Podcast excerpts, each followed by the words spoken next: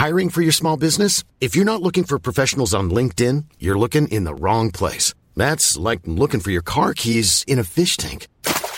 LinkedIn helps you hire professionals you can't find anywhere else, even those who aren't actively searching for a new job but might be open to the perfect role. In a given month, over 70% of LinkedIn users don't even visit other leading job sites. So start looking in the right place. With LinkedIn, you can hire professionals like a professional. Post your free job on linkedin.com slash people today. Hey, it's Ryan Reynolds, and I'm here with Keith, co-star of my upcoming film, If, only in theaters May 17th. Do you want to tell people the big news?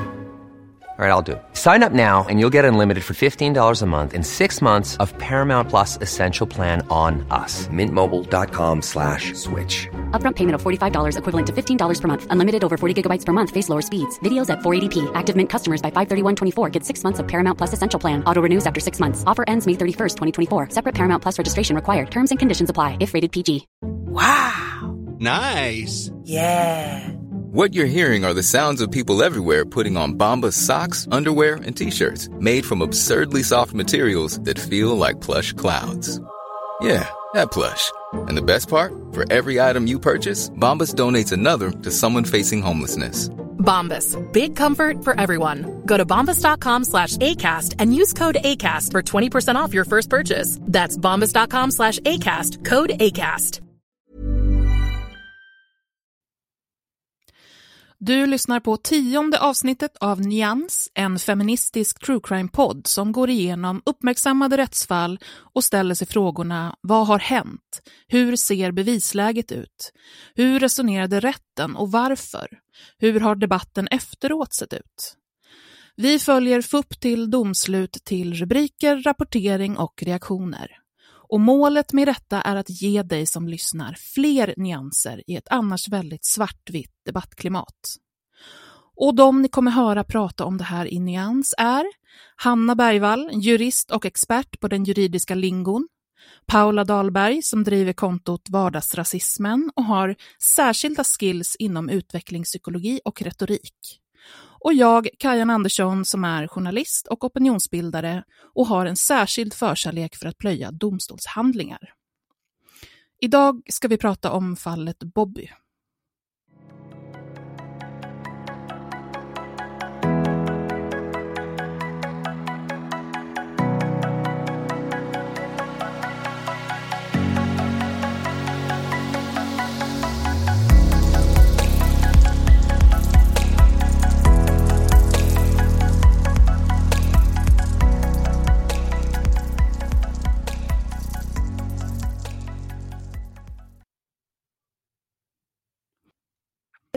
Hej hörni! Hej, hej. Jag har märkt att det är lite... um, Det är svårt att göra en smidig övergång efter att man har droppat att man ska göra fallet Bobby. Det är eh, riktigt, Mm. riktigt tungt den här veckan. Ja, det har varit eh, väldigt jobbigt att förbereda sig, tycker jag, inför det här avsnittet. Det är att man har dragit sig för att göra det, för att man vet att okej, när jag läst igenom det här, då kommer jag liksom inte vara på humör för att göra Nej, någonting gud, nej. efter. Jag har verkligen blivit på dåligt humör. Var det jättegrinig och stingslig. Mm. Jag hade ju den här momenten när jag insåg att jag och Bobby är födda samma Åh. år. Det tyckte jag kändes jättejobbigt. Att så här, vi, vi är jämngamla. Eh, han borde ha varit här liksom, med mig, samma gam- Ja. lika gammal som jag. Och lika gammal som Mm. min... eh, När han, ja, gud, det är en granne som borrar här. Ja, jag hade inte mycket att göra. Nej. när, när Bobby gick bort så var han ju tio, precis som min äldsta är. Så det är fasiken vad, vad Ah. nära det är alltså. Och sen är ju Mm. själva fallet så obeskrivligt vidrigt. Men jag tror att det är också, det är så svårt att förstå. Och det vet jag att tingsrätten också pratar massa om så här att varför, varför gör Ja. de här så här mot Bobby? Att det, så, det liksom finns inget svar på det. Jag tror att det gör att det också blir så otroligt obehagligt. För att det är så obegripligt varför någon skulle behandla ett barn på det här sättet. Ja, det är ju liksom över tid och det är ett sånt, eh, vet inte, när, när vuxna människor tar njutning av att göra illa och, och skada och, och kränka och förnedra barn. Det, vi har ju varit inne på det flera gånger i andra avsnitt när vi pratar om liksom, eh, eh, ondska eller vad, vad, liksom, vad gör man med de här personerna som ba, det, där det inte bara är omständigheter utan de liksom har det i sig på något sätt. Jag vet inte, här är det ju svårt att komma ifrån den, den känslan när det är så extremt. Ja men verkligen, verkligen. Ja men eh, ska vi ta och trots min borrande granne eh, köra igång så får vi mer utrymme att prata om det efter. Ja. En liten disclaimer bara. Jag sitter ju på ett Ja. hotellrum.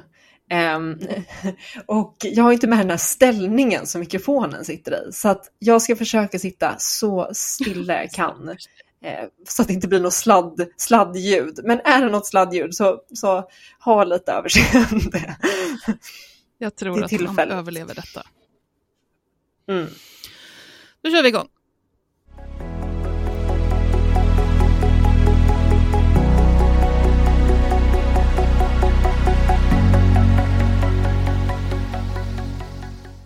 Nyans.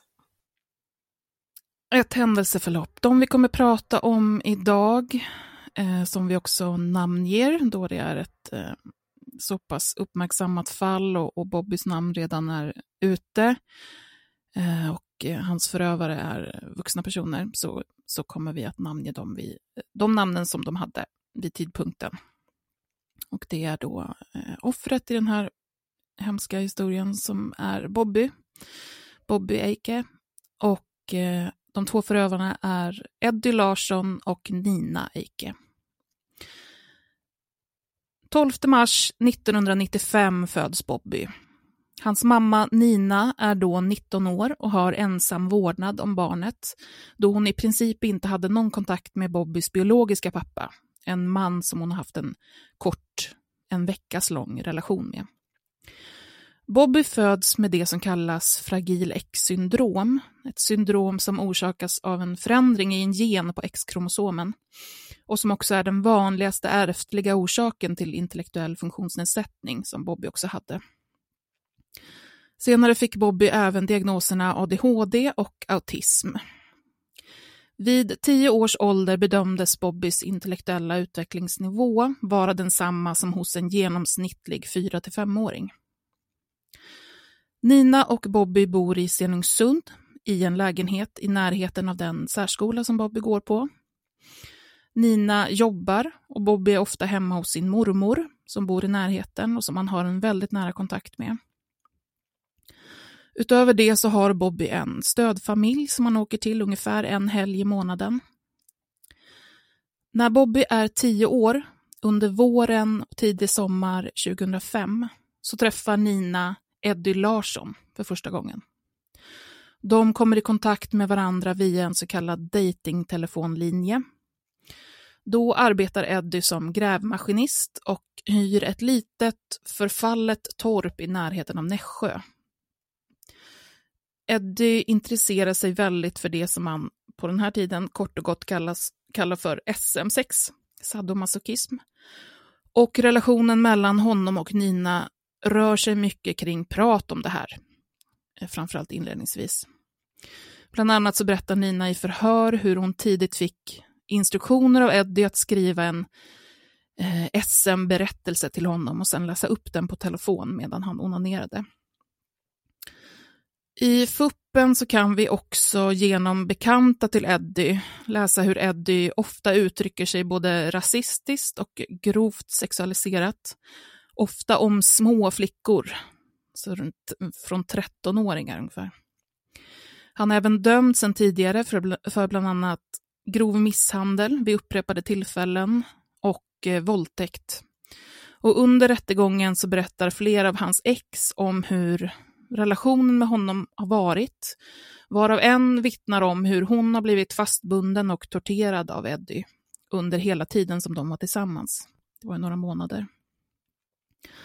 Hon upplevde också hur hon blev kontrollerad och inte tilläts lämna torpet. Nina och Eddie blir i alla fall ett par under den här sommaren 2005 och i slutet av sommaren är de förlovade. Kort därefter flyttar Nina hem till honom i torpet Och efter några veckor får Bobby säga hej då till sin gamla skola och till mormodern och flytta han också. Hans mormor berättar i förhör att det här var otroligt jobbigt för Bobby, som blev väldigt orolig och ångestfylld över den här omställningen. Men han börjar i alla fall på en ny skola i Nässjö och lärare där tycker att det fungerar bra för Bobby. Men 15 december samma år så sjukanmäler Nina Bobby. Hon säger att han har feber och influensa. Efter ett tag så följer skolan upp det här och tar kontakt med Nina för att få veta hur det är med Bobby och när han kan tänkas komma tillbaka till skolan.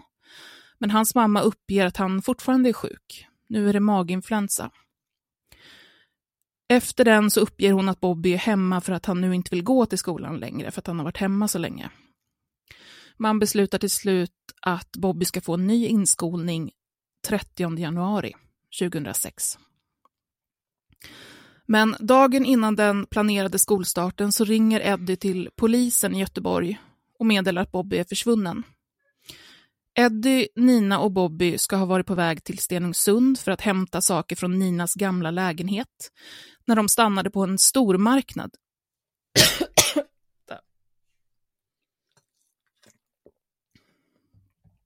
Jag fick ett quinoafrö i halsen. Alltså. Eh, Eddie, Nina och Bobby ska ha varit på väg till Stenungsund för att hämta saker från Ninas gamla lägenhet när de stannar på en stormarknad för att köpa en blomma till Bobbys mormor, som de också skulle hälsa på. Eddie berättar för polisen hur Bobby var arg under bilresan och att han inte ville följa med in på affären. Och därför fick han sitta kvar i bilen medan Nina och Eddie gick in. När de kommer tillbaka till bilen, ungefär en kvart senare, så är Bobby borta. Polisen är snabbt på platsen och eftersom det rör ett barn som dessutom har en funktionsnedsättning eh, som är helt försvunnen så sätter man snabbt in stora resurser och söker efter tioåringen. I dagar söker man och man ber även allmänheten hjälpa till, men Bobby hittas inte. Några som dock inte är särskilt aktiva i letandet efter Bobby är Eddie och Nina. Bobbys mormor berättar i förhör hur hon blir väldigt arg på Nina för att de inte har lust att leta. Och att när de väl gör det så är de ute en kort stund och sen så åker de hem igen. Polisen tycker att paret beter sig märkligt redan från början. Det är till exempel bara Eddie som pratar. Nina kan inte svara på de enklaste frågor om sin son. Polisen upptäcker även en del oklarheter i händelseförloppet de berättar om. Och när Bobby inte hittas, trots det här stora söket, så misstänker man att paret har bragt honom om livet. De begärs häktade och häktningsförhandlingen sätts till 17 februari 2006. Men inför häktningsförhandlingen så ändrar sig Nina och meddelar att den här berättelsen om att Bobby försvunnit på en parkeringsplats är fabricerad. Nina berättar istället att Bobby är död och att hans kropp har sänkts i en sjö utanför Jönköping. Nina får åka och peka ut platsen på sjön. Det finns eh, videoklipp på det här, där man ser en eh, rätt lugn kvinna gå på, på isen och peka ut var hon och hennes sambo har dragit kroppen av hennes döda son i en pulka och var de sen sågat upp en vak och sänkt honom. Polisen dyker på platsen och det hittas ett bylte som visar sig innehålla Bobbys döda kropp. Den är inlindad i plast och det har virats kättingar och andra tyngder runt kroppen för att den ska sjunka. Vid obduktion upptäcker man en ansenlig mängd skador på Bobbys kropp.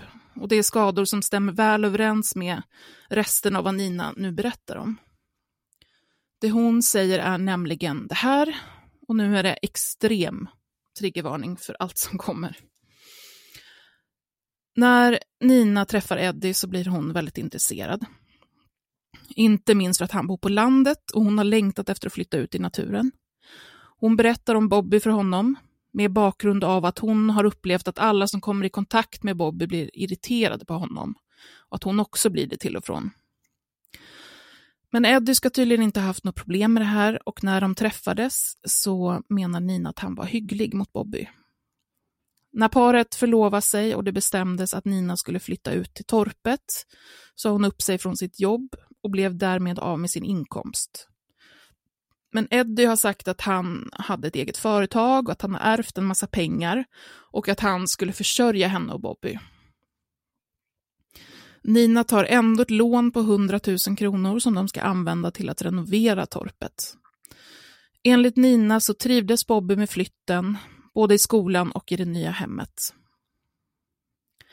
Ju längre in i relationen de kom, desto mer uttalat blev Eddies intresse för SM6. Det kom fler och fler krav från Eddie på till exempel hur Nina skulle klä sig och vad som skulle ske när de hade sex. Nina börjar fundera på att lämna Eddie men vågar inte. Samtidigt som Eddies sexuella våld ökar förändras även hans förhållningssätt till Bobby.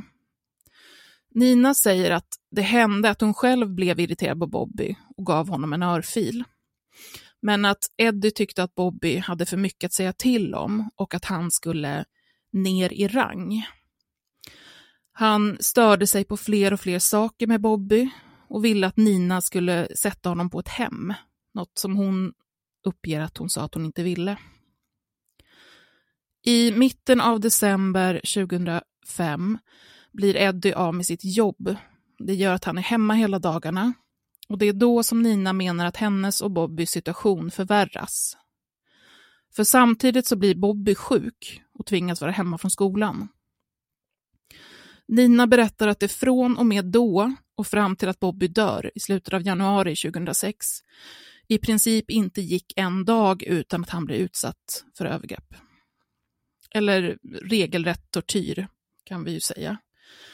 Nina berättar också hur hon själv är delaktig i misshandeln och det här plågandet av sin son, men menar att det är för att hon är så rädd för Eddie och rädd för att bli behandlad på samma sätt själv. Hon tyckte också att det var bättre om hon var med och till exempel slog, så att hon kunde kontrollera hur hårda slagen blev.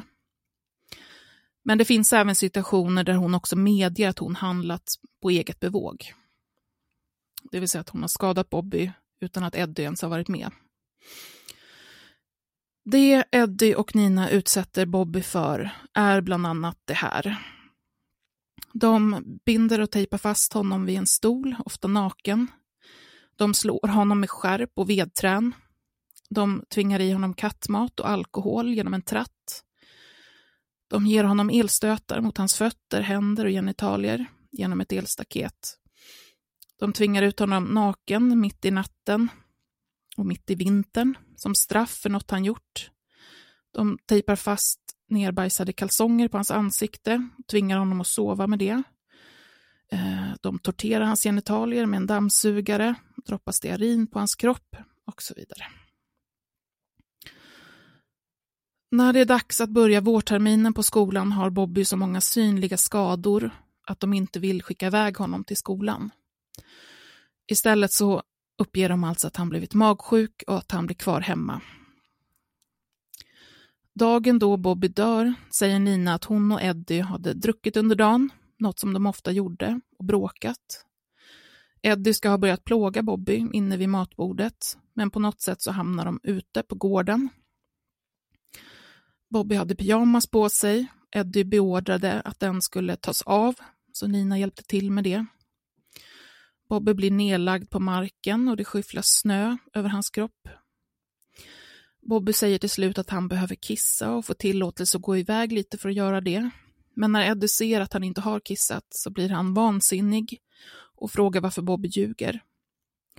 Han puttar ner honom på marken och säger till Nina att hjälpa till att hålla fast honom.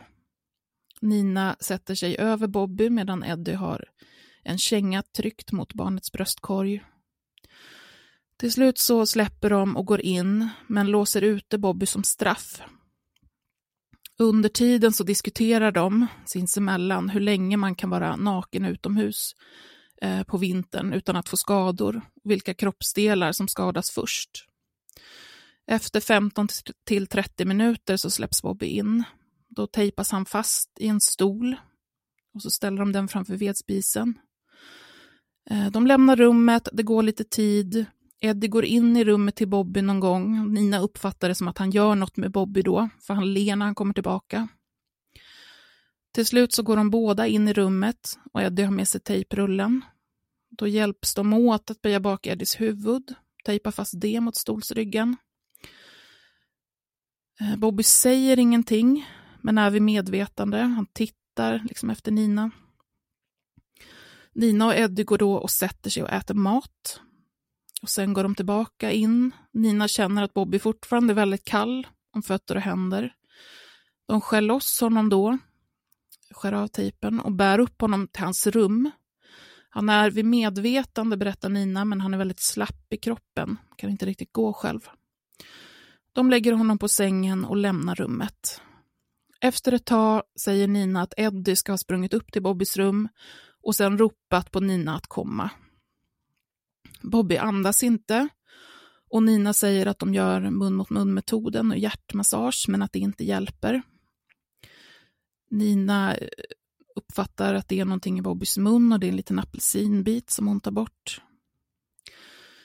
Nina går ner till köket igen och till Eddie och de pratar om vad de ska göra. De kan inte ringa någon, säger Eddie, eftersom Bobbys kropp ser ut som den gör. Nina berättar att hon tar en whisky för att lugna ner sig och sen går de och lägger sig för att sova. Nina kan somna ganska snabbt. Morgonen därpå tar Eddie upp frågan om vad de ska göra med kroppen. Och de bestämmer sig för att börja med att lägga den i en säck, placera den i la lagården bredvid. På vägen dit ser de blodspår i snön. Nina tar en kniv för att hacka bort det så att det inte ska synas om de kommer dit. Då säger hon även att hon hoppades att det skulle göra ont i hans blodådror när hon hackar med kniven. Hon kan i efterhand inte förklara varför hon säger så. Hon medger också senare att hon kan ha kallat Bobby för olika saker när hon varit arg och att hon har sagt du ska få för alla dessa jävla tio år till Bobby, men menar att det var Eddies idé att hon skulle säga så. Hon har också själv hon har också själv gett Bobby sprit för att lugna ner honom och matat honom med kattmat när han varit fasttejpad i en stol.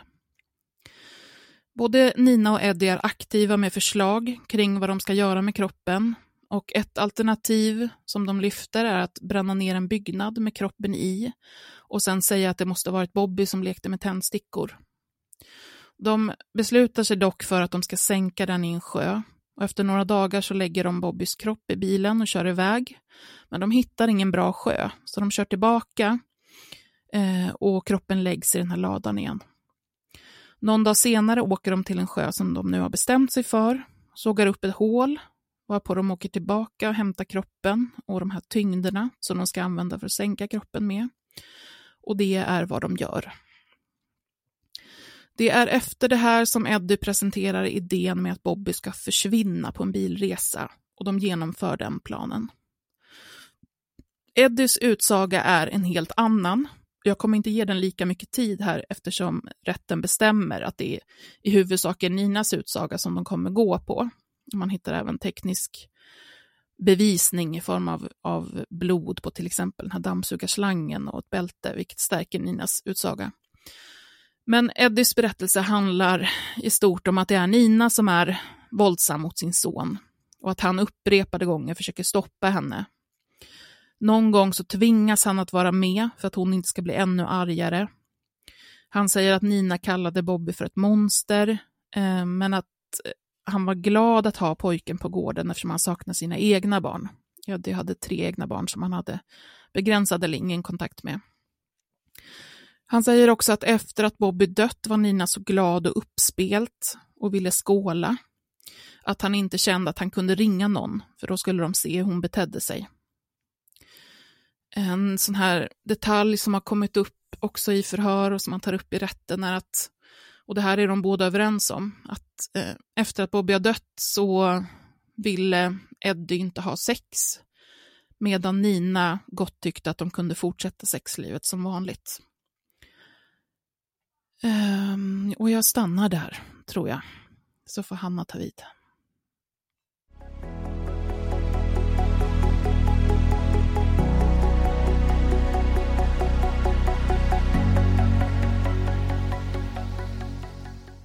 Det här är Nyans. Oj. Um, gud, jag blir helt så här, jag vet inte, man blir helt matt bara av att höra allt det här. Uh, det är så otroligt fruktansvärt. Um, man måste nästan så samla mig lite. Jag känner hur jag blev illamående. Bara att man tar mm. de där orden i sin mun, alltså det är usch. Ja, alltså även fast jag har läst det här, att höra dig, Kajan, berätta det, liksom, det ja, jag vet inte. Man tror liksom att ja, men nu har jag hört det en gång, nu är jag, liksom, nu, nu kommer jag inte bli berörd, men det funkar inte riktigt så. Eh, ja, jag ska som vanligt prata om hur rätten tänker. Och jag kan väl börja med att säga att man tänker ju att liksom de borde bli dömda för mord, eh, Eddie och Nina, men det blir de inte. Åklagaren eh, yrkar på att de ska, de ska fällas för mord, men istället så blir de båda två dömda eh, dels för flera fall av misshandel, eh, brott mot griftefriden, vilket är hur man behandlat kroppen efter att eh, Bobby dött, och sen vållande till annans död. Och vållande till annans död, det handlar ju om att de har eh, varit liksom, oaktsamma och därför blir de ansvariga för att han har dött. Men jag kommer komma tillbaka till det mer om en liten stund. Um, ja, eh, som, som Kajan var ju inne lite på det här, men man har, det som händer i tingsrätten är att det finns två olika berättelser. Dels så har vi det eh, Nina berättar och sen har vi det Eddie berättar. Och tingsrätten väljer att gå på det Nina berättar som skiljer sig väldigt, väldigt mycket från det Eddie berättar.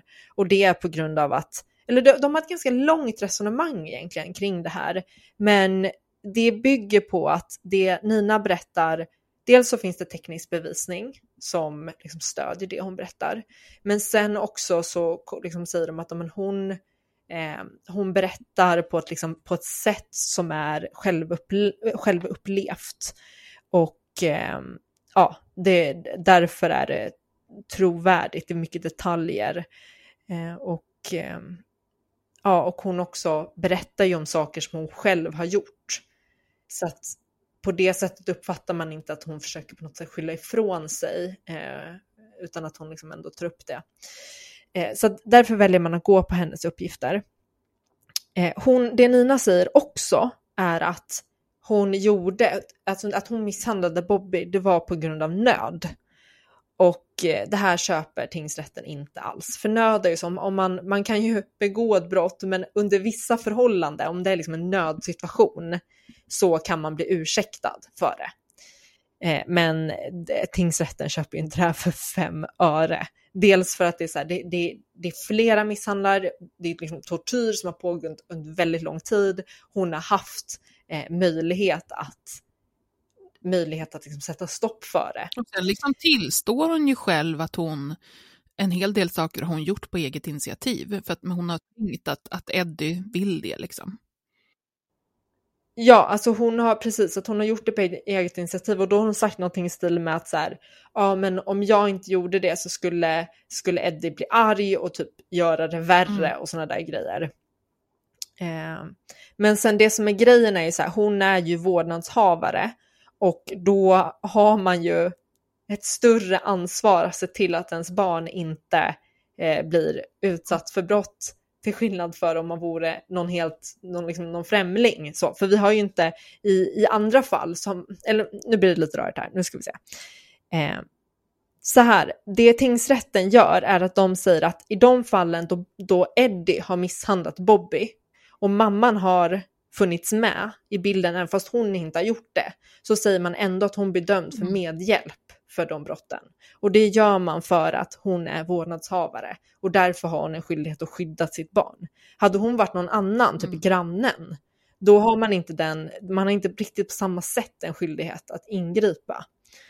Eh, ja, men hur som helst, man går på hennes uppgifter eh, och hon har ju, det är alla de här grejerna Kajan eh, tar upp som hon har berättat om. Eh, och de blir, de blir dömda för det. Men de blir ju inte, som jag sa innan, dömda för mord. Och då är vi ju tillbaka till det här med mm. uppsåt. För att för, man ska, för att man ska dömas för mord så måste det eh, åtminstone finnas likgiltighetsuppsåt. Och det är då att man inser att det finns en risk för att eh, det här ska, alltså för att personen ska dö och man är likgiltig inför att den risken förverkligas. Man bryr sig inte så mycket. Eh, nej, man bryr sig inte. Man är så här, ja, ja, det kan, mitt, mitt syfte är inte att det ska hända, men det kan hända och jag skiter i om det händer typ.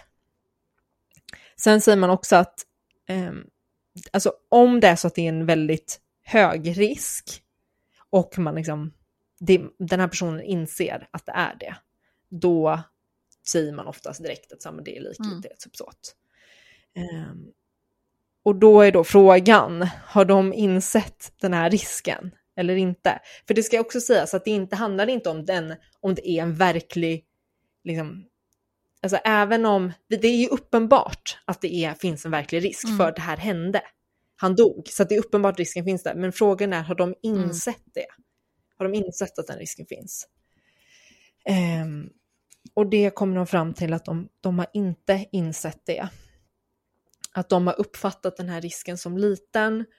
Och då går man bland annat på att de resonerade kring så här, hur länge kan vi lämna honom där ute utan att han eh, ja, tar ska, liksom får skador av det och så vidare. Och sen så tar man också upp, vilket jag fick jävligt dålig smak i munnen av, att de säger att Eh, alltså det, det, är inget fel av tingsrätten, men det känns så fel ändå. Tingsrätten säger att eh, de måste ha tänkt så här att ja, men, han har ju inte dött tidigare av samma behandling, för det här är inte första gången de har lämnat honom Nej. ute i snön, i kylan naken. Och det har gått bra eh, inom citationstecken. Det har ju verkligen inte mm. gått bra, men ni förstår vad jag menar. Eh, de andra gångerna, så därför så borde de inte ha förstått att det det är en sån hög risk i princip. Just det, man kanske ska säga att, eh. att dödsorsaken, det man tar fram är väl det här att han har, att han har fått kräks eh, som har kommit ner i lungorna. Visst? Ja, så att han Exakt. Alltså det, den fastställda dödsorsaken är mm. att han har kvävts eh, av, av, att, av hans egna uppkastningar. Och, eh, och att det i sin tur beror på att han hade så försämrat Eh, mm. allmäntillstånd. Och man tar också in en eh, läkare som pratar, som, som de har vittnesförhör med, om det här med nedkylning av kroppen och hur mycket, liksom de räknar ut hur, vilken temperatur Bobbys kropp skulle haft och hur han skulle ha blivit mm. påverkad och så vidare.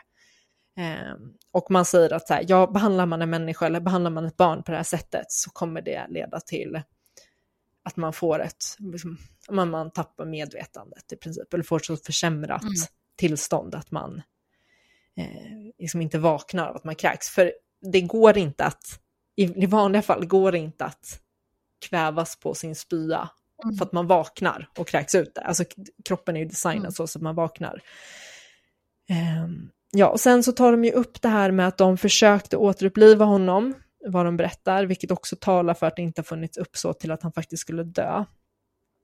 Eh, och sen tar de också upp att det Nina har berättat är att den här misshandeln och tortyren är, var, var ett led i någon slags uppfostran av Bobby. För att det som utlöste det, enligt Nina, var ett dåligt uppförande från Bobbys sida, menade hon då.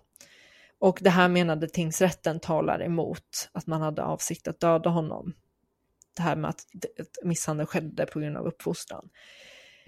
Um, men alltså när, när, när, jag sitter och berättar, det låter ju som att så här, tingsrätten typ inte bryr sig, men det är inte, det är inte sant. De, de skriver väldigt mycket om att det här är liksom helt ja, men, att man, man kan liksom inte tänka sig något, något värre sätt att... Nej, eh, nej och det tycker de ju, alltså det, det ska man vara jättetydlig med, att de, de understryker det på väldigt många ställen, hur, hur vedervärdigt och grovt det är. Ja, ja. Men, men, ja, men precis. Och de döms till maxstraff på, för, liksom på den skalan, för det blir ju inte mord eftersom att man kom fram till att de inte mm. har uppsåt. Eh, men de får ju ändå, man säger att det här är väldigt grovt, de ska ha det högsta brottet inom ramen för de, de andra brotten som har begåtts. Och eh, de får tio år vardera, vilket betyder att de släpps ut efter två tredjedelar om de, om de inte har betett sig eh, Mm. särskilt liksom illa när de har suttit inne. Och det, de, de, de är ju Ja. ute nu, för de släpptes ut efter sex år. Ehm, och sen, men det ska också sägas att eh, här, den här domen överklagades av alla parterna, alltså av åklagaren, av Eddie och av Nina. Men hovrätten kom fram till att det, det tingsrätten har sagt eh, är rätt. Så att det, man bara fastställer tingsrättens dom. Mm. Ehm, Jag förstår helt hur tingsrätten har resonerat när de pratar om uppsåtet. Och jag menar, det här är ett sånt fall då man bara känner så här, att det här, han borde få livstid. Liksom. Men, men eh, tingsrätten har i uppgift, eller domstolen har i uppgift att titta på, på hur lagen ser ut och hur man tillämpar den och sen, sen tillämpa den liksom, kliniskt på fallet utan att eh, plocka in hur man själv känner och jag tycker att de, de har resonerat eh, rikt, Ja, och, och riktigt. man kan ju tycka att, att domstolen har resonerat rätt och riktigt och samtidigt tycka att det är moraliskt eh, så fruktansvärt att de här personerna ändå sitter så pass kort tid i fängelse. Man kan ju, man kan ju tycka båda Exakt. sakerna samtidigt. Liksom. Det behöver inte gå emot varandra. Ja. Nej, och den, den kategorin skulle Ja. jag säga att jag, jag tillhör. Och det är ju Eh, det här med, med uppfostringsbiten, för det återkommer ju i, i, Fu- i FUP och i domen, domen att um, hur Eddie liksom resonerar kring det. Han drar paralleller till hundar till exempel. Eh, och hur man, hur man Mm. liksom ska dressera dem och få dem att lyda. Och det här att han tycker att Bobby eh, har satt sig för högt i rang och han ska ner i rang. Liksom. Så det är ju det är ett återkommande Ja. Eh, det, ja, det är tydligt att det är så han ser på saken. Ja, och det här är ju en sån här grej som tingsrätten frågar sig. Varför har misshandeln skett? Som ett led i att förstå om de har haft uppsåt. Och, och det svaret de ger är ju så här, men att det som sägs är att det handlar om att det skulle varit uppfostran. Men samtidigt så säger tingsrätten att det här liksom, de kan inte begripa det. Eh, hur, man kan, hur man kan behandla ett barn så här. Eh, ja. Nej, så precis, uppfostran från Eddies håll då, och så från, Mm. från Ninas håll, i alla fall vad hon själv säger. eh, I någon slags rädsla. Det finns ju en passage i domen också när man, när man har tagit in, vad heter han då? Kvicktjommen, Christiansen, heter han så? Ehm, han Ja, som är med det. i Ja, var med i hela Kvick-härvan. Eh, vi säger Christiansen nu, så får jag väl ändra mig sen i så fall. Där han också gör någon lång utläggning om att Nina är särskilt jag-svag. just det, den biten. Ja, eh, ja, jag tog inte upp den för att alltså det, det är precis, det, det är sant. De... Eh, hörs jag? Ja. Jag, jag fick upp en sån här symbol bara, "Du- you lost connection. Jag bara nej! Ja, nej men de, eh, precis. Nina försöker, eller hennes, hennes försvarare försöker ju eh, få det till att Nina liksom, ja men är en väldigt jag-svag person och att hon inte kan eh, liksom stå emot den här Eddie och det han säger till henne att göra. Mm. Men, men, och domstolen är lite så här, ja, det kanske är så, men det är inget, det, är liksom, det ursäktar inte Nej. den här typen av beteende. Du är vårdnadshavare, det här är ditt barn. Ja. Det, det, det, räcker, det räcker liksom inte det, att säga att man är jag-svag eh, och att man har svårt att säga ifrån. Nej, man kan inte göra undantag i lagen för att man är en person vars eh, karaktärsdrag bedöms vara jag-svagt. Nej, exakt. Och det är precis det tingsrätten säger. De, de Ja. bara, ja, det spelar ingen roll om vi, om vi kommer fram till att du är det eller inte. För Nej. det är inte tillräckligt. Nej. Ursäktar inget. Nej. Eh, så att, ja. Ja, det är det. Är det någonting mer ni funderar på i själva domen? Nej, alltså jag är, jag är väl inne som du på att resonemangen av, av det, vi ska säga det, vi har inte eh, fått tillgång till hela eh, FUPen utan läst delar av den. Men nu utifrån det som jag har sett så tycker jag att resonemanget verkar rimligt. Liksom. Ja, alltså det, det är ett liksom, rent juridiskt, det är korrekt, det är rimligt. Eh, moraliskt så känner man ju, säkert alla, säkert domstolen också, att det är så här åt helvete liksom. Men, men Ja. det finns ju ett syfte med att, att man ändå ska hålla sig till det, att inte låta liksom det man känner få bestämma i domstolen, för då blir det, då är vi ute på väldigt farlig eh, mark. Ja, och sen så är det ju... De, när, man, när man går in i resonemang med sig själv, som i alla fall jag gör eh, i huvudet, där, där det blir en krock mellan att så här, ja men okej, had, hade de istället för att begå de här övergreppen och den här tortyren, hade de haft ihjäl Bobby med uppsåt första gången, så hade det bedömts som värre eh, än det här liksom, utdragna som, som, och det här fruktansvärda som resulterade i samma sak. Eh, och, och det är klart att det är en jobbig, ett, Mm. ett jobbigt resonemang att Mm. vara i. Samtidigt så är det så det ser ut, jag vet inte. Vad tänker Mm. du om det, Hanna, förresten? Nej, men jag, jag förstår precis hur du menar och det instinktivt så känns det ju fel. Mm. Men för, alltså, eller så här tänker jag att vi, man skulle kunna liksom ändra det här Mm. och göra det på ett annat sätt och göra det att de här typerna av fallen som, som vi pratar om nu, att det ska bedömas som, som mycket allvarligare, att det ska vara ett högre straff och så vidare. Men då är det någonting för politikerna att ändra på i så fall och inte domstolen. Domstolen har ju bara att titta på vad som står, hur, hur liksom rättstillämpningen ser ut och hur lagen ser ut och liksom, Ja. eh, följa det. I många andra fall och i eh, mordrättegångar och sånt där så, så tar man ju hänsyn till offrets grad av lidande. Vi har pratat om Mm. det förut med att man får dödsångest och så här. Mm, mm. Eh, Och att det ska påverka eh, påföljden och påverka straffet. Här blir ju inte det i proportion.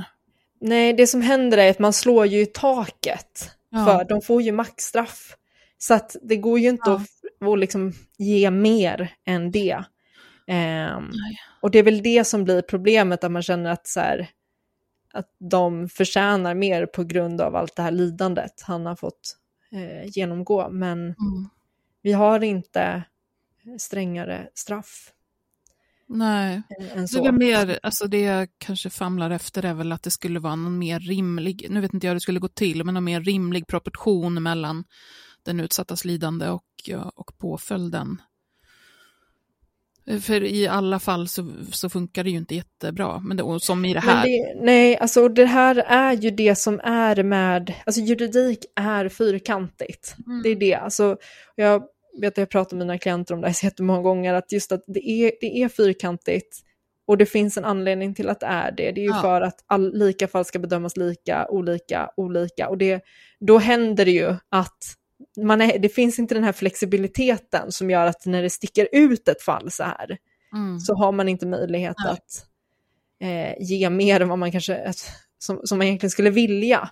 Nej. Men det, det är ändå en, jag är ändå beredd att göra den, eh, det avkallet, om man säger Mm. så, för att, för att ha ändå den fyrkantiga juridiken, för att det är det som är rättssäkerhet. Mm. För att alternativet blir mycket Ja, nu blir det lite, det, ja, man kan ju diskutera det här, men bara i stora drag hur jag tänker kring det. Ja. Eh, alternativet är inte bättre. Eh, men och det är det här som är så viktigt i de här diskussionerna också, för att ofta så kommer, när man reagerar emotionellt och, och um, mm, man tycker att ett, en, en påföljd, ett straff är för lindrigt i förhållande till vad som har skett till exempel, så är det ofta där som man stannar.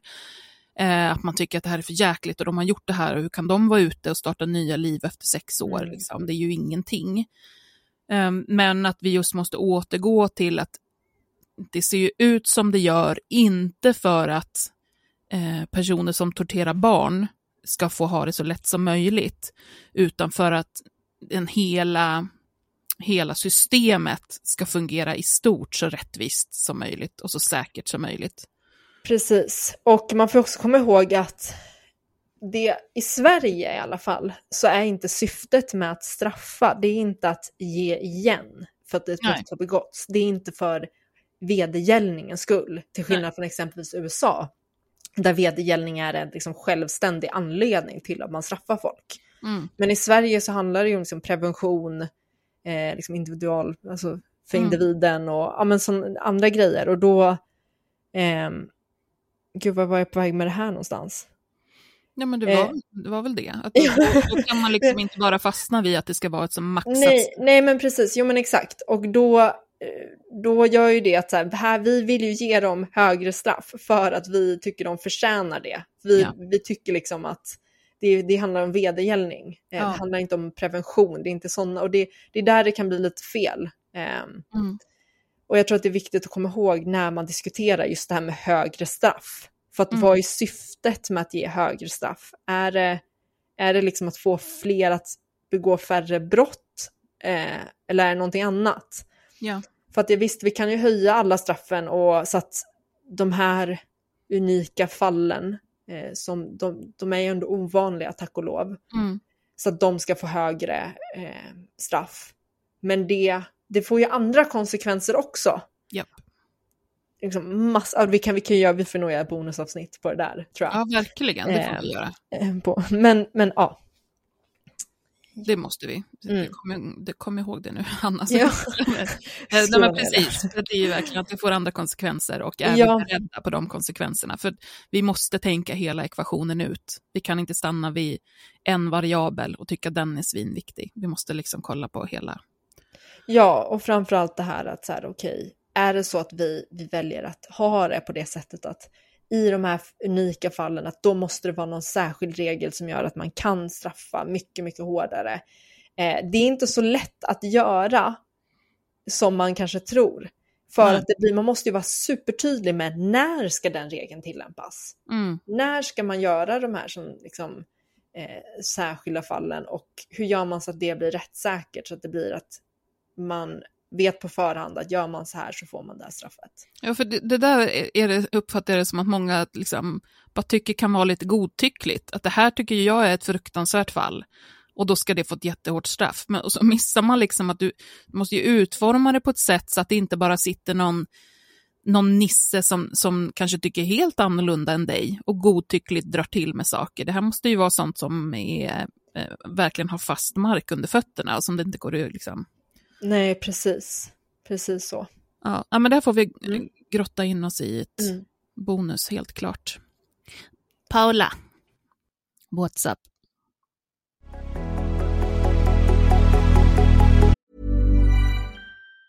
Hi, I'm Daniel, founder of Pretty Litter. Did you know cats tend to hide symptoms of sickness and pain? I learned this the hard way after losing my cat, Gingy. So I created Pretty Litter, a health monitoring litter that helps detect early signs of illness by changing colors, saving you money and potentially your cat's life. Pretty Litter is veterinarian developed, and it's the easiest way to keep tabs on your fur baby's health right at home. Go to prettylitter.com and use code ACAST for 20% off your first order and a free cat toy. Terms and conditions apply. See site for details. Hey, it's Ryan Reynolds, and I'm here with Keith, co star of my upcoming film, If, only in theaters, May 17th. Do you want to tell people the big news? All right, I'll do it. Sign up now and you'll get unlimited for $15 a month in six months of Paramount Plus Essential Plan on us. Mintmobile.com slash switch. Upfront payment of $45 equivalent to $15 per month. Unlimited over 40 gigabytes per month. Face lower speeds. Videos at 480p. Active Mint customers by 531.24 get six months of Paramount Plus Essential Plan. Auto renews after six months. Offer ends May 31st, 2024. Separate Paramount Plus registration required. Terms and conditions apply if rated PG.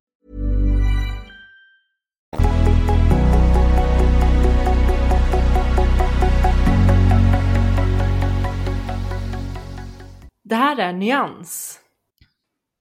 Yes. Ja du, det vart ju... ehm, Ja, det är väl en underdrift att säga att det här var ett mycket omdebatterat och uppmärksammat fall. Ja. Och ehm, ja, ni har ju dragit en hel del av diskussionen, liksom, utav bara farten här nu, med, eh, med just domen. Nej, det är ingen fara. Eh, att eh, det, det var ju eh, mycket upprördhet kring det här med att de inte blev dömda för mord.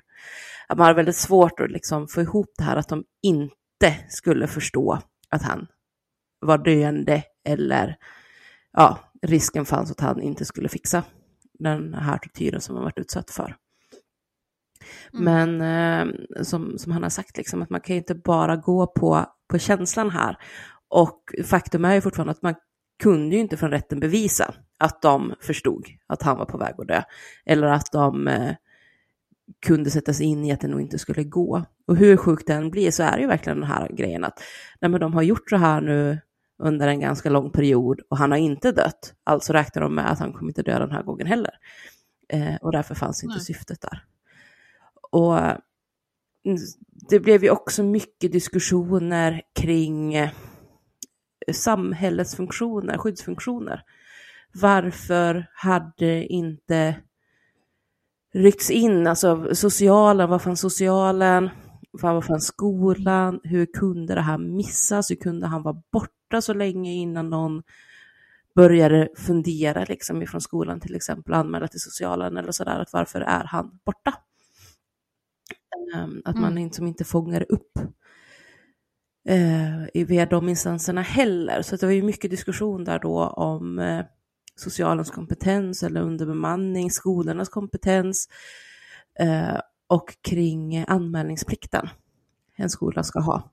Ja. Att den, den var ju sämre då än vad den är idag kring eh, lärarnas befogenheter och lärarnas anmälningsplikt. Att man eh, bland annat med Bobby i minnet stärkte ju anmälningsplikten för lärare till att det inte liksom behövs finnas tecken på att någonting är fel.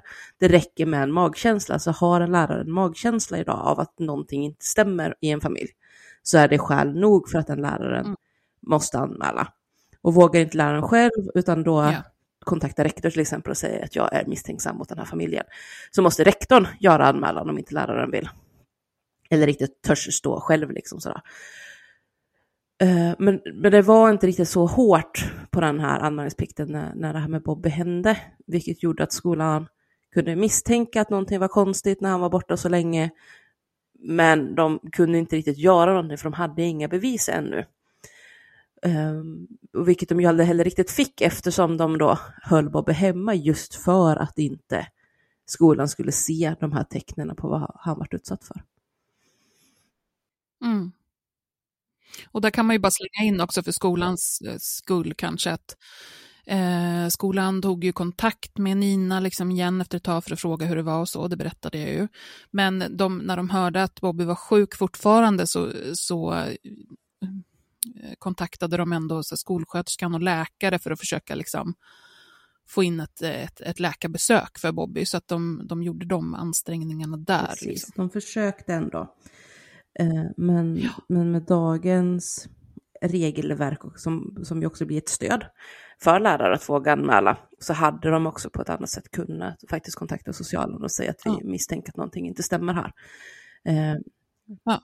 istället för att någon åker dit och ja, tittar bara. precis. Att vi, vi tror att ni behöver göra ett hembesök här för att titta till hur han mår. Eh, och det, det, hade de ju inte kunnat komma åt liksom. Eller komma ifrån. Mm.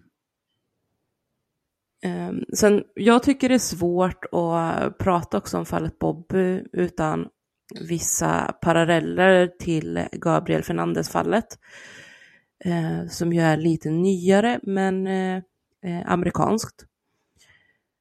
Mm. Ehm, men, för även där har man ju liksom det här med eh, vuxna som borde försöka vilja sitt barn det bästa men som inte lyckas. Eh, det är en mamma som skyller på sin pojkvän eh, och styvpappa. Att det är han som har bara varit drivande och drivande och drivande och drivande. Men där senare märks liksom i under rättegången och i förhör och sådana här saker att eh, den här tortyren som Gabriel utsattes för delvis var sexuellt för henne. Att det blev en form av förspel. Eh, och de skyllde mm. också mm. på uppfostran. Eh, och framförallt i Gabriels fall då, att de skulle fostra honom till att inte bli bög. Och att den här styrpappan var liksom säker på att Gabriel var homosexuell för att han första åren i sitt liv då hade fått bott hos mammans farbror och eh, farbrorns man. Eh, så farbrorn var ju då homosexuell.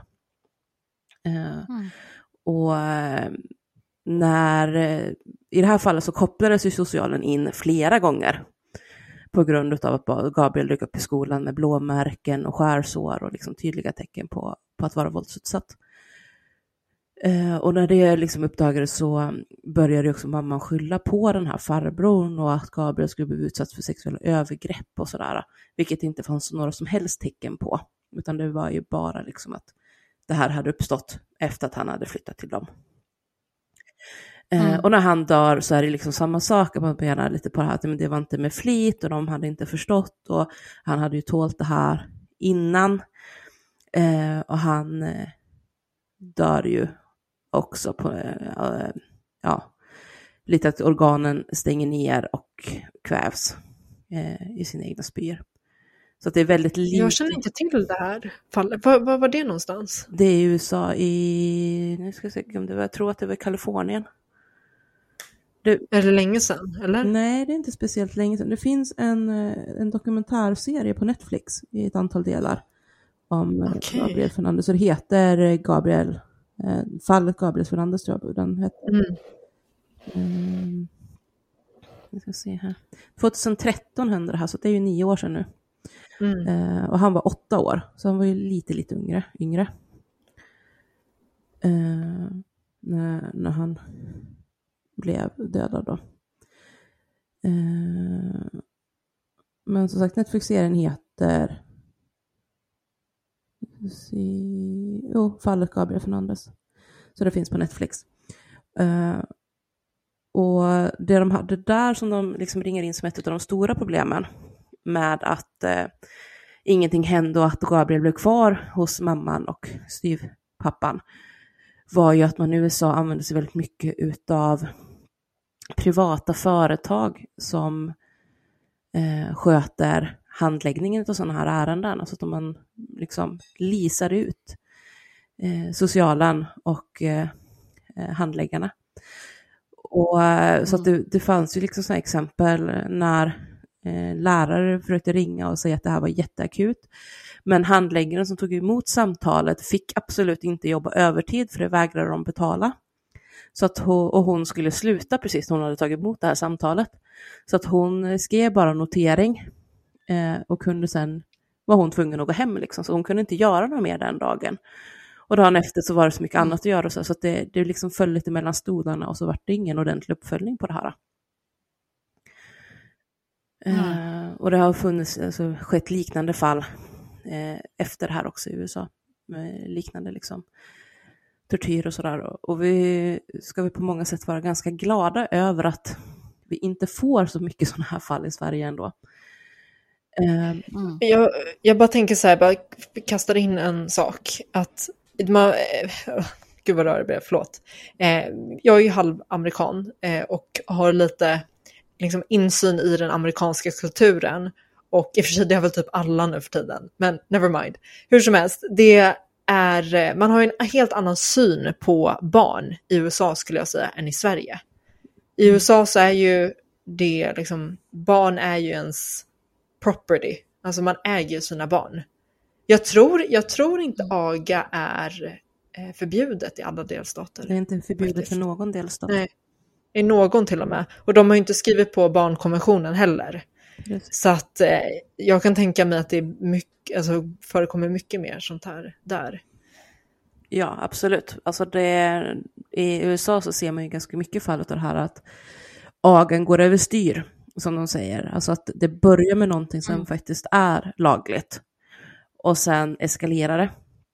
Och det behöver man inte ens ta sig till USA för att se, utan det är liksom, kan man ju se även i Frankrike till exempel, där man räknar med att någonstans mellan 10 och 20 barn varje år blir dödade eh, som ett resultat av att agan har gått överstyr.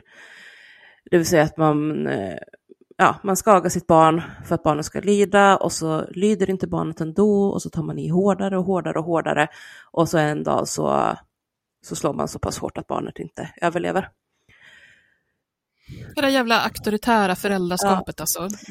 Och det paraplyet allting som går under det. Att när det handlar om att liksom dressera sina barn och få dem att lyda och disciplin.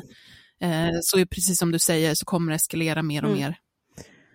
Så kan det sluta en Exakt. skit. Och så ska jag säga, så att det är ju lite samma barnsyn som är i, i det här fallet med Bob. Alltså det här Eddie pratar om att han skulle fostras, han måste tryckas ner och han, han tror att han är för högt i rang och, Och liksom sådär Mm. att det är ju samma barn, det enda som skiljer i stort är ju att vi egentligen i, alltså svenska staten har sagt att vi tycker inte att det här är bra. För att det är så lätt att eskalera, så därför har vi förbjudit det. Ni, ni ska inte slå barnen för det slutar sällan väl. Liksom. Eh, Mm. Men man ska ju ändå komma ihåg, dels så är det ju bara typ två generationer sedan man faktiskt förbjöd aga i Sverige. Och dels så förbjöd man det ju mot opinionen. Alltså de flesta i Sverige var ju fortfarande för aga. Och det märks tycker jag fortfarande Ja. i debatten också sådär att när man pratar till exempel om eh, skolorna och hur det är stökigt eller liksom sådär, så skyller man det ju gärna på då, liksom så att ja, men, läraren har ju tappat alla befogenheter, man får liksom inte ta ett barn i örat längre.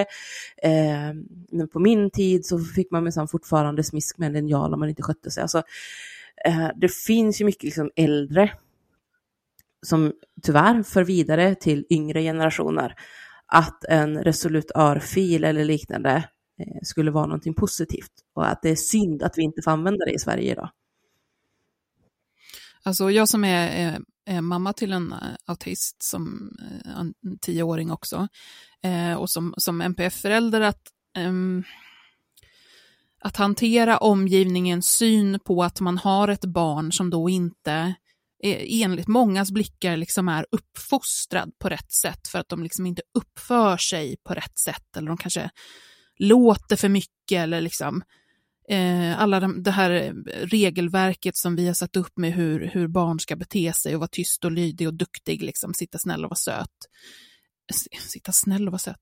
Ehm, det märks ju super, super tydligt hur den här mentaliteten verkligen finns kvar. Att har man ett barn som avviker från den normen så är det för väldigt många vuxna det som lättast finns eh, att ta till eller som finns till hands i en, en syn på det är att man har misslyckats med uppfostran, misslyckats med disciplinen. Så att absolut finns det väldigt, väldigt nära. Jag tror precis som du säger Paula, att det, eh, det, det även om det händer saker nu, eh, så var det inte särskilt länge sedan och att det här lever kvar i väldigt många och fortfarande liksom ligger där bakom, även om det inte är lika påtagligt idag jämfört med 50 år sedan, så, så är det ju verkligen närvarande. Eh, men det, jag vet att det kanske tio år sedan eller något sånt där så gjorde Uppdrag granskning en genomgång av eh, eh, fall i Sverige som rörde just aga och hur domstolarna resonerade. Och egentligen borde vi göra ett, ett bonusavsnitt bara på det här ämnet också, men för där såg man ju liksom att eh, domstolarna hade en tendens att, att vilja liksom hitta förmildrande omständigheter eh, till att föräldrarna hade slagit sina barn. Och det var liksom inte sådär, alltså jag vet tyvärr av erfarenhet till exempel att SOS alltså, menar på att händer en enstaka gång att en förälder har örfilat sitt barn eller luggat hårt i håret eller sådana grejer som straff, så är inte det alltid liksom så här skäl till att SOS kommer att göra någon tvingande åtgärd. Eh, utan det kan bli liksom att man säger att ja, men det, det har bara hänt en enstaka gång, det, vi litar på att det inte kommer upprepas ungefär. Eh, och, Men det som hade nått till domstolarna då, och där man ändå liksom i vissa fall även friade föräldrarna helt ifrån aga, det var alltså liksom så här exempel där det fanns dokumenterat med skador och så, att eh, barn hade blivit piskade med skärp till exempel och hade jättetydliga märken på rumpa och rygg efter de här piskslagen. Eh, och där man liksom då resonerade typ att ja, men föräldern hade sagt till och sen sagt till igen och barnet lydde inte och till sist så tappade föräldern tålamodet och då gick det överstyr ungefär och så har man gett minimistraff eller kanske ingen straff alls. Hanna? Hanna? Gud, jag trodde att jag försvann där igen. För det blev så tyst. Jag bara nej, nu har jag hoppat över det igen. Eh, nej, men jag, jag helt, helt, en helt annan sak som jag bara satt och funderade på är ju så här att en grej som gör att det här fallet sticker ut med Bobby är just att när ett barn dödar en, sitt barn så är det ju nästan alltid psykisk ohälsa hos föräldern som är det är involverat eh, på något sätt. Vad sa du nu? När, du sa när ett barn dödar ett Nej, barn? ja, nej, det var inte, ja. Jag menar när en förälder dödar ett barn så är det all, nästan alltid eh, finns det någon form av psykisk ohälsa hos den föräldern som har liksom, spelat in i att det händer. Eh, jag säger inte att man kan skylla på det, jag bara, man har konstaterat det, att det ofta är så. Mm.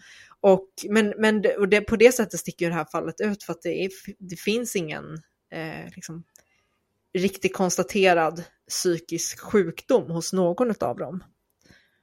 Ja. Ehm, Det är väl säkert därför de är inne och fiskar efter det här med jag-svag. För Ja, att ha- för att, precis, för att, för att komma dit. ja. Eh, Men ja, utan att lyckas. ja, att vara jag-svag är inte en, Nej. en psykisk sjukdom. Nej. Är vi klara, tror ni? Ja, Ja, jag tror det. Alla bara drar efter andan. ja. Ja, Det är svårt att bara, det, alltså det, jag kan ibland få känslan att det på något sätt känns fel att bara lämna det så här. Att, jag vet Mm. inte, att man liksom, man vill göra någonting men det finns ju ingenting att göra.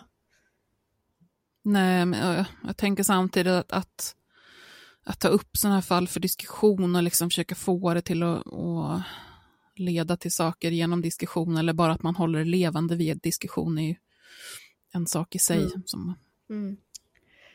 Eh, hörni, eh, tack för att ni har lyssnat. Om ni tycker om den här podden och det vi gör så får ni jätte, jättegärna bli Patreons, för då får man bonusavsnitt. Eh, ska vi inte ha en snackis? oj, nu var jag för snabb. Jag tänkte att jag skulle få prata klart så, snackis. så skulle jag hoppa in här och bara... Nu fröt till. eh, det jag sa gäller fortfarande, men fortsätt lyssna. ja, alltså, jag kan klippa den grejen och lägga i slutet istället. Ja, ja kör. Ja. Veckans snackis! Yes, yes, det här ska bli kul.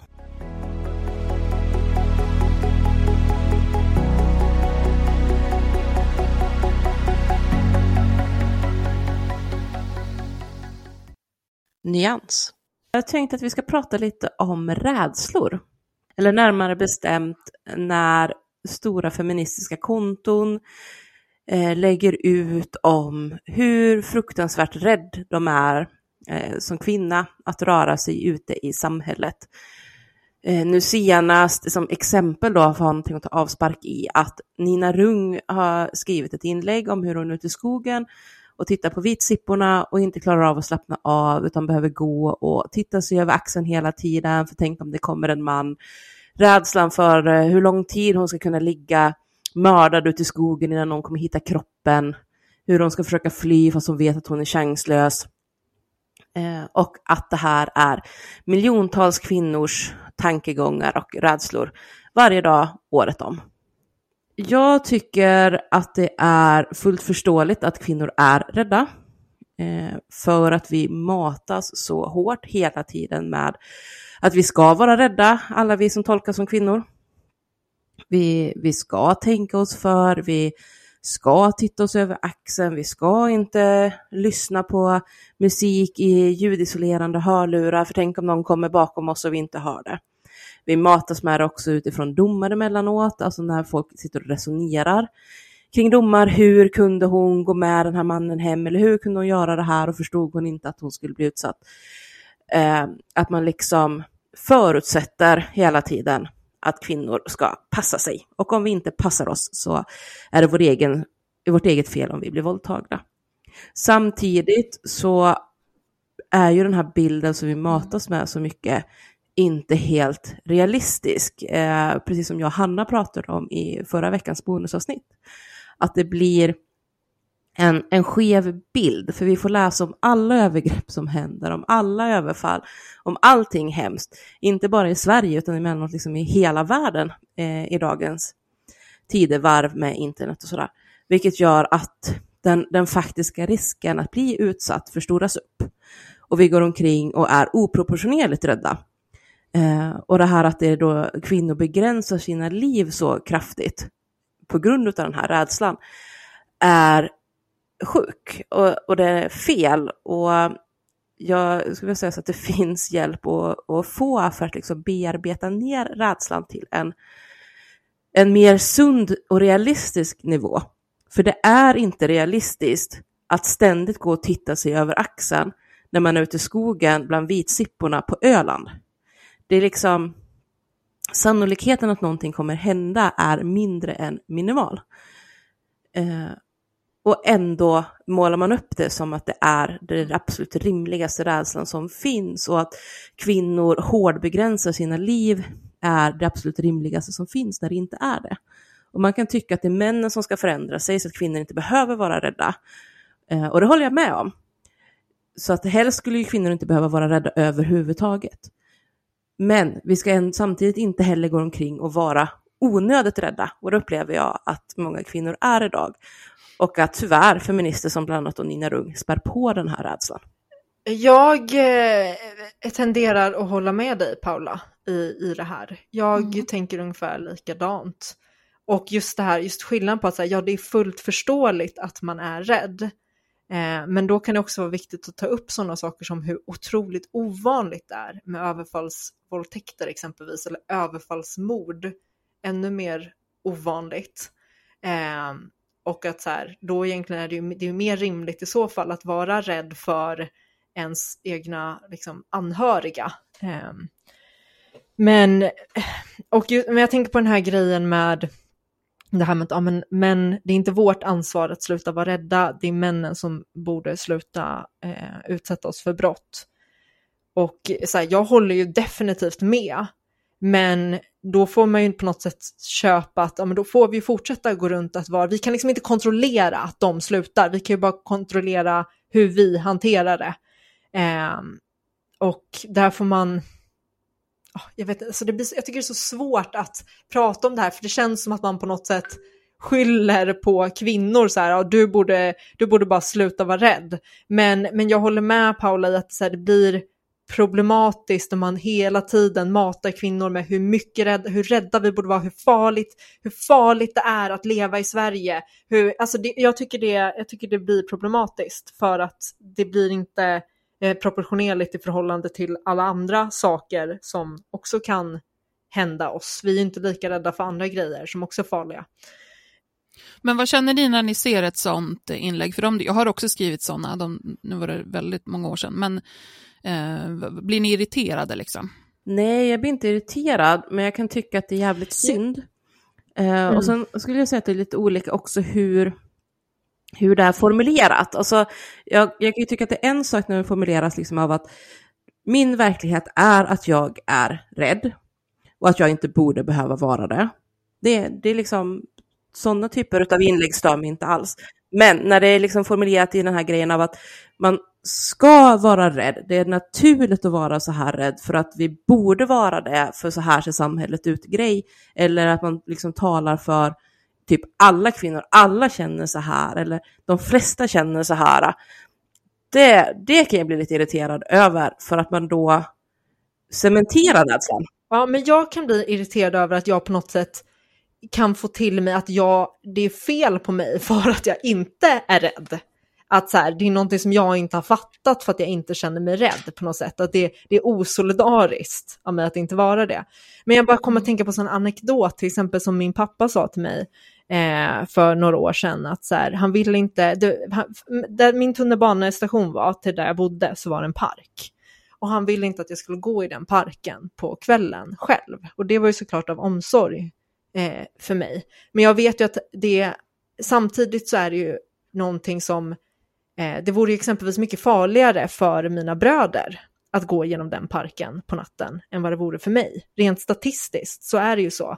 Eh, och det var också det jag sa till min pappa, att så här, du behöver inte säga sånt där till mig, för att eh, det liksom, eh, har, eh, frågan är liksom, skulle du säga det till mina bröder också? Nu tror jag i och för sig att han kan ha gjort det, men, eh, mm, mm. men ni förstår vad jag menar, att så här, det är ju ingen som pratar varför, att jag kan bli, tycka att det känns orättvist att vi ska behöva rädda, men att män inte ska behöva rädda när vi vet att män utsätter män, alltså överfaller andra män i större utsträckning än vad de överfaller kvinnor. Mm.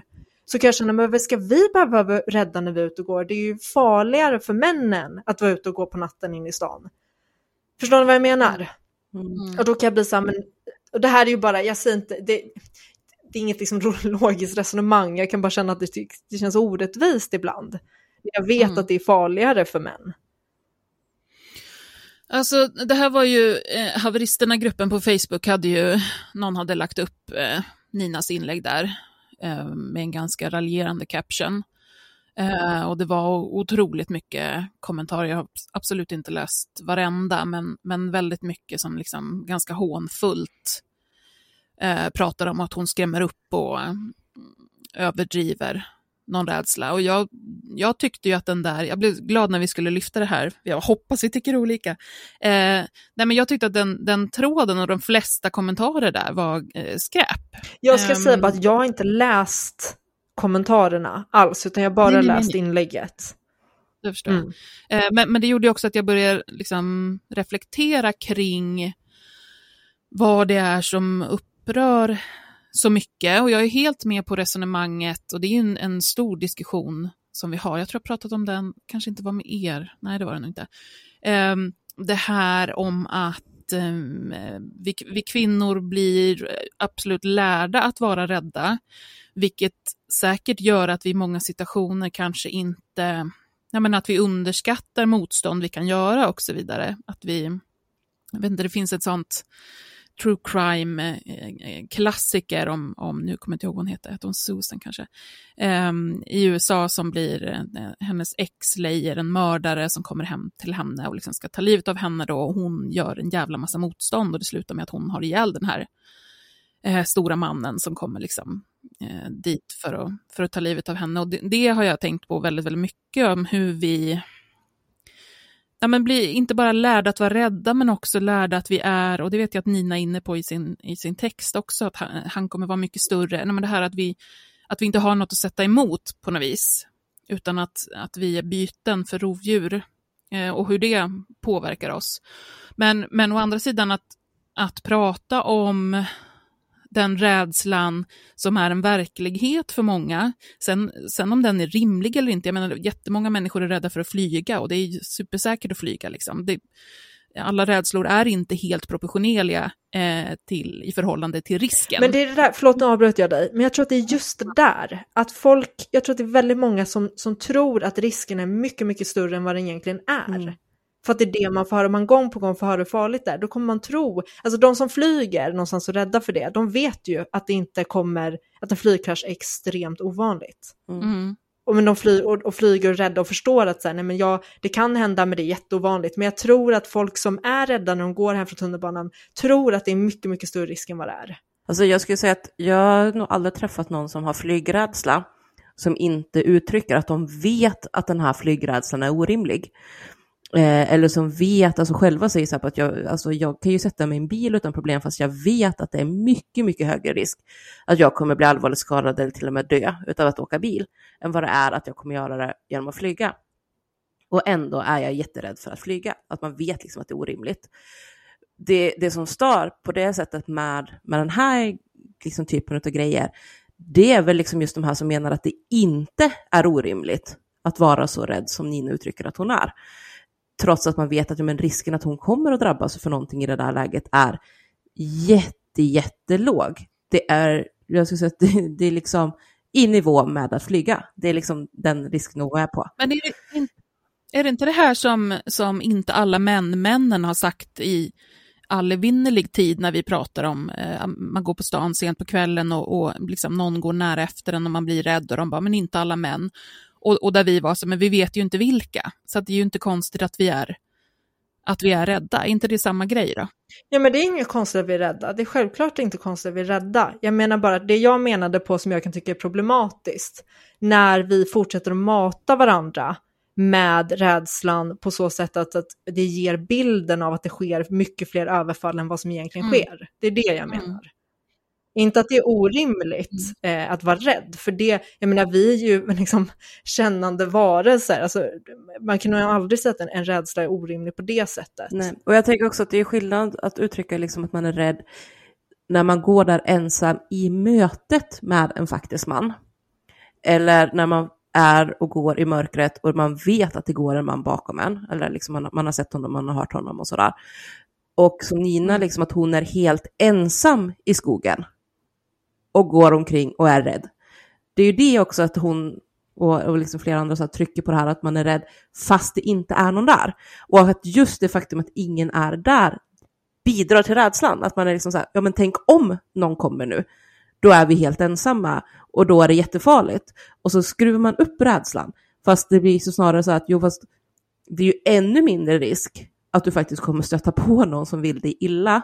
Om du är ute och går mitt i skogen där typ inga andra människor är. Sannolikheten att man stöter på någon till att börja med var ganska låg. Eh, och att man då dessutom ska stöta på någon som blir någon form av tillfällighetsförövare är liksom ännu snäppet lägre. Eh, det, det är väl just det liksom att hade hon faktiskt mitt ute i skogen där bland, bland vitsipporna plötsligt stött på en ensam man, så har jag full förståelse att hon hade börjat tycka att det är obehagligt om han börjar hänga sig kvar och inte bara passerar. Eh, men nu liksom uttrycker hon den här rädslan i sin ensamhet. Och det är det som blir så konstigt, eller liksom ja, fixera rädslan på något sätt, att man ska gå omkring och vara rädd till och med när man är ensam, just för att man är ensam. Ja, alltså jag är kluven här. Jag, ty jag, tycker inte att den är så...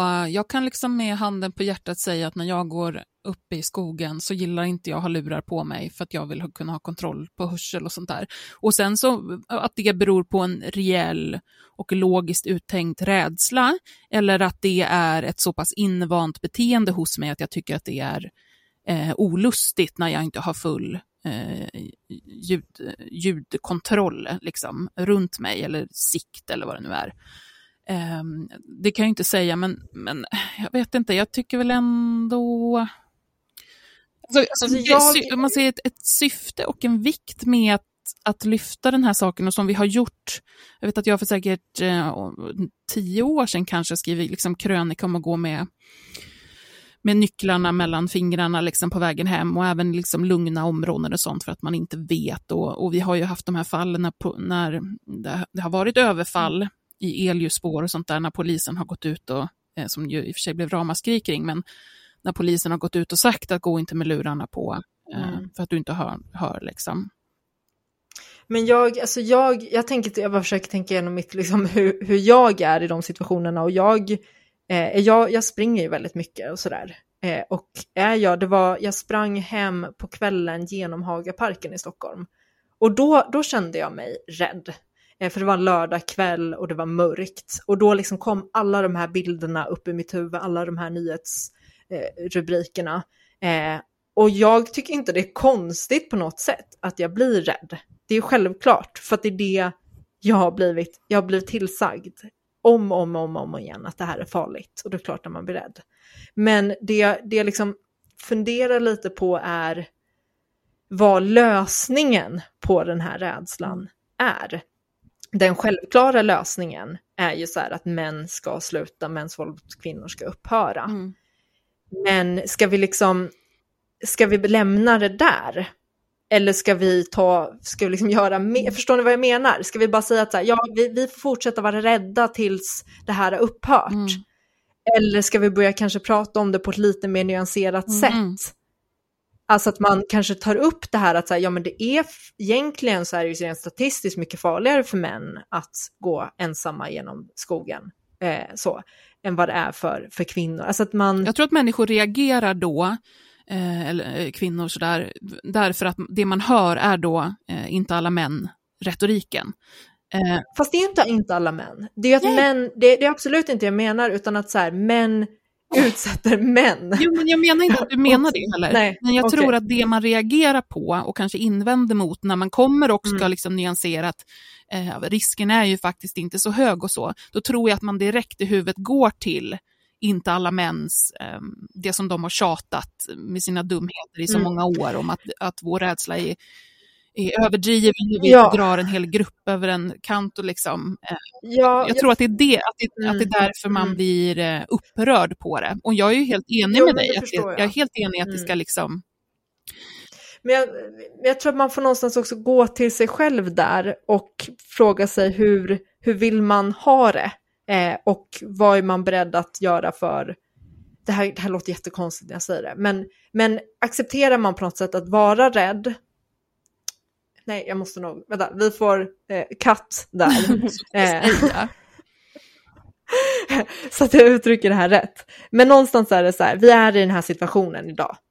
Vi, vi, det, det är som det är idag. Vi, vi ska fortsätta kämpa mot mäns våld och kvinnor, eh, få män att sluta, göra allt det här. Men här och nu är det så att man tycker att, som Paul också var inne på, att jag är så rädd att jag kan inte gå och plocka blommor i skogen och jag bara, jag kan liksom inte röra mig ute.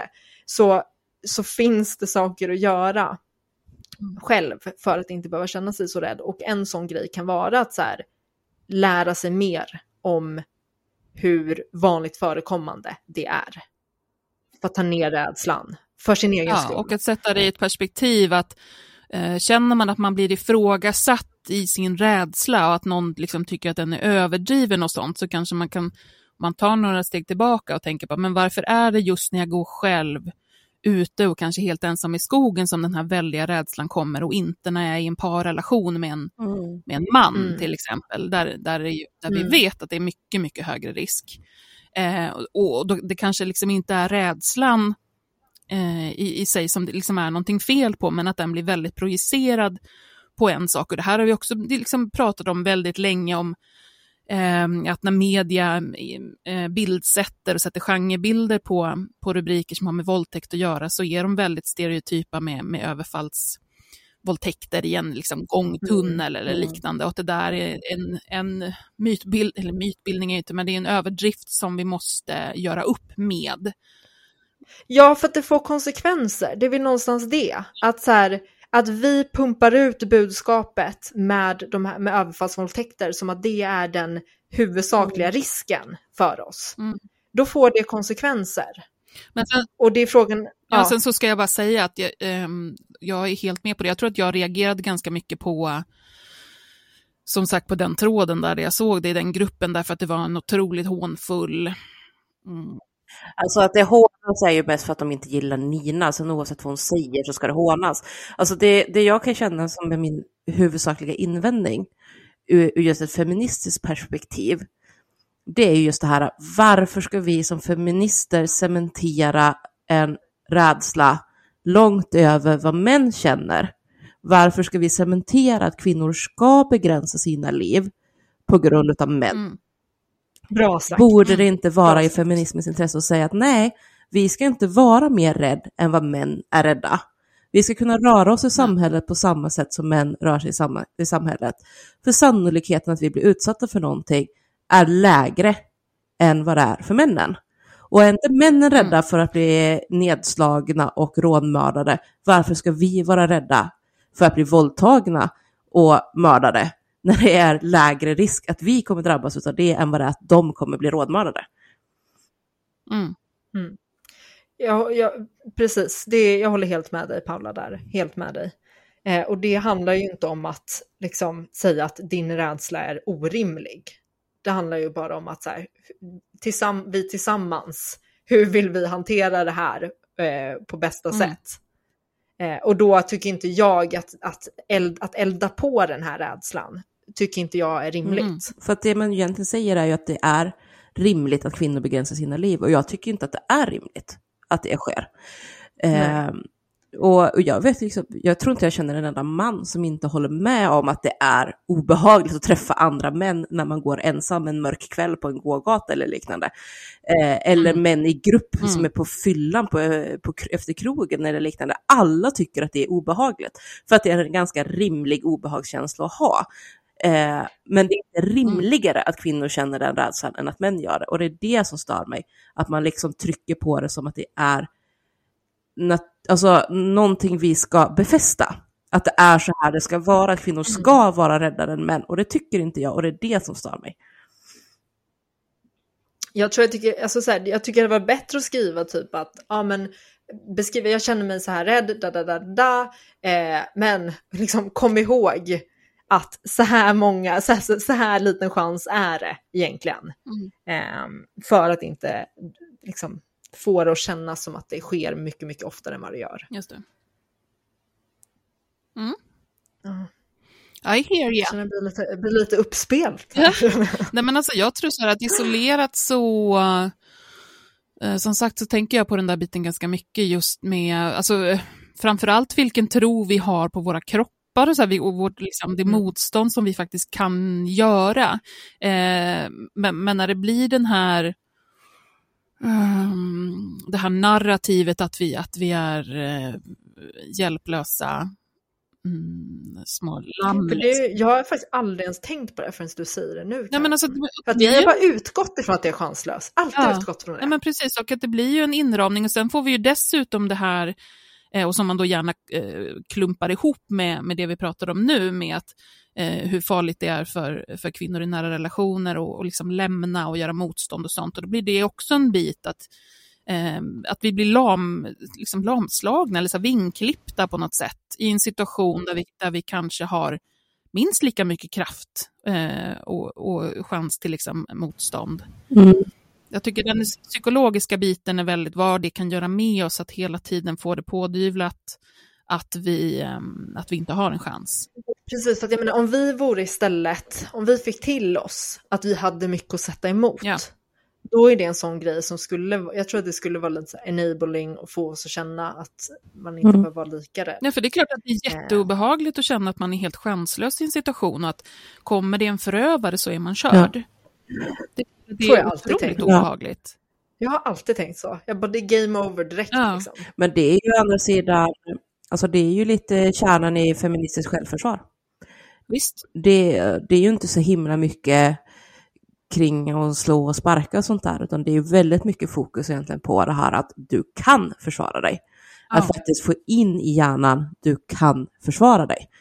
Ja. För att vi, och jag vet jag skrev en text för, om det här på, på min blogg för massor med år sedan, just om att det är det här kanske ett av patriarkatets starkaste myter på något sätt. Att ja. intala tjejer att vi är chanslösa, det här går inte. Är du mm. född med snippa så är du chanslös mot dem som är födda med snopp.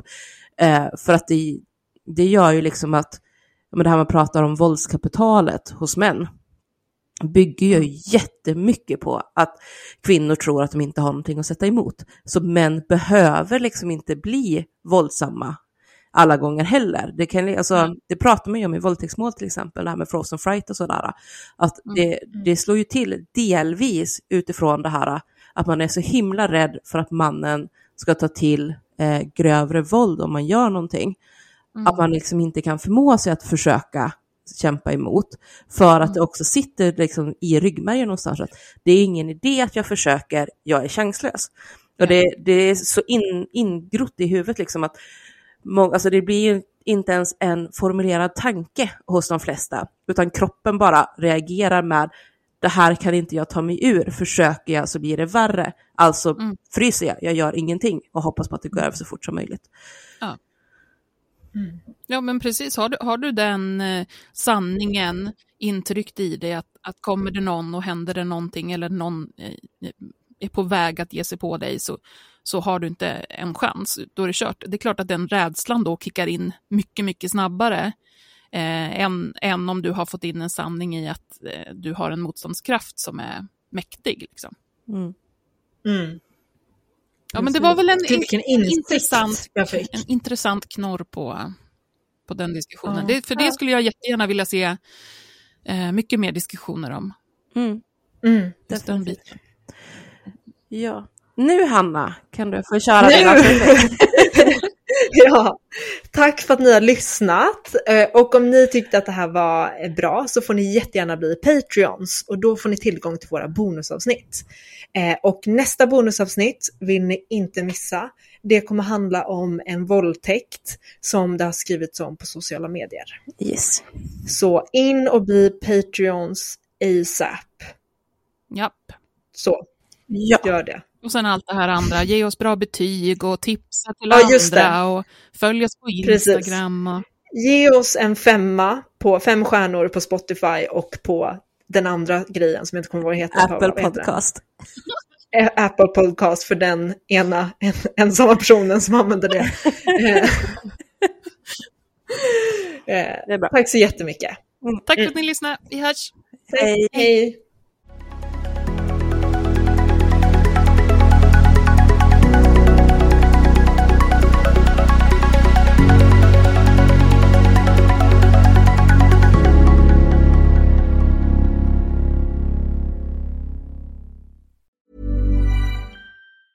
Even when we're on a budget, we still deserve nice things. Quince is a place to scoop up stunning high-end goods for 50 to 80% less than similar brands. They have buttery soft cashmere sweaters starting at $50, luxurious Italian leather bags, and so much more. Plus, Quince only works with factories that use safe, ethical, and responsible manufacturing.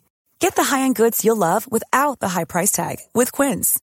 Go to quince.com/style for free shipping and 365-day returns.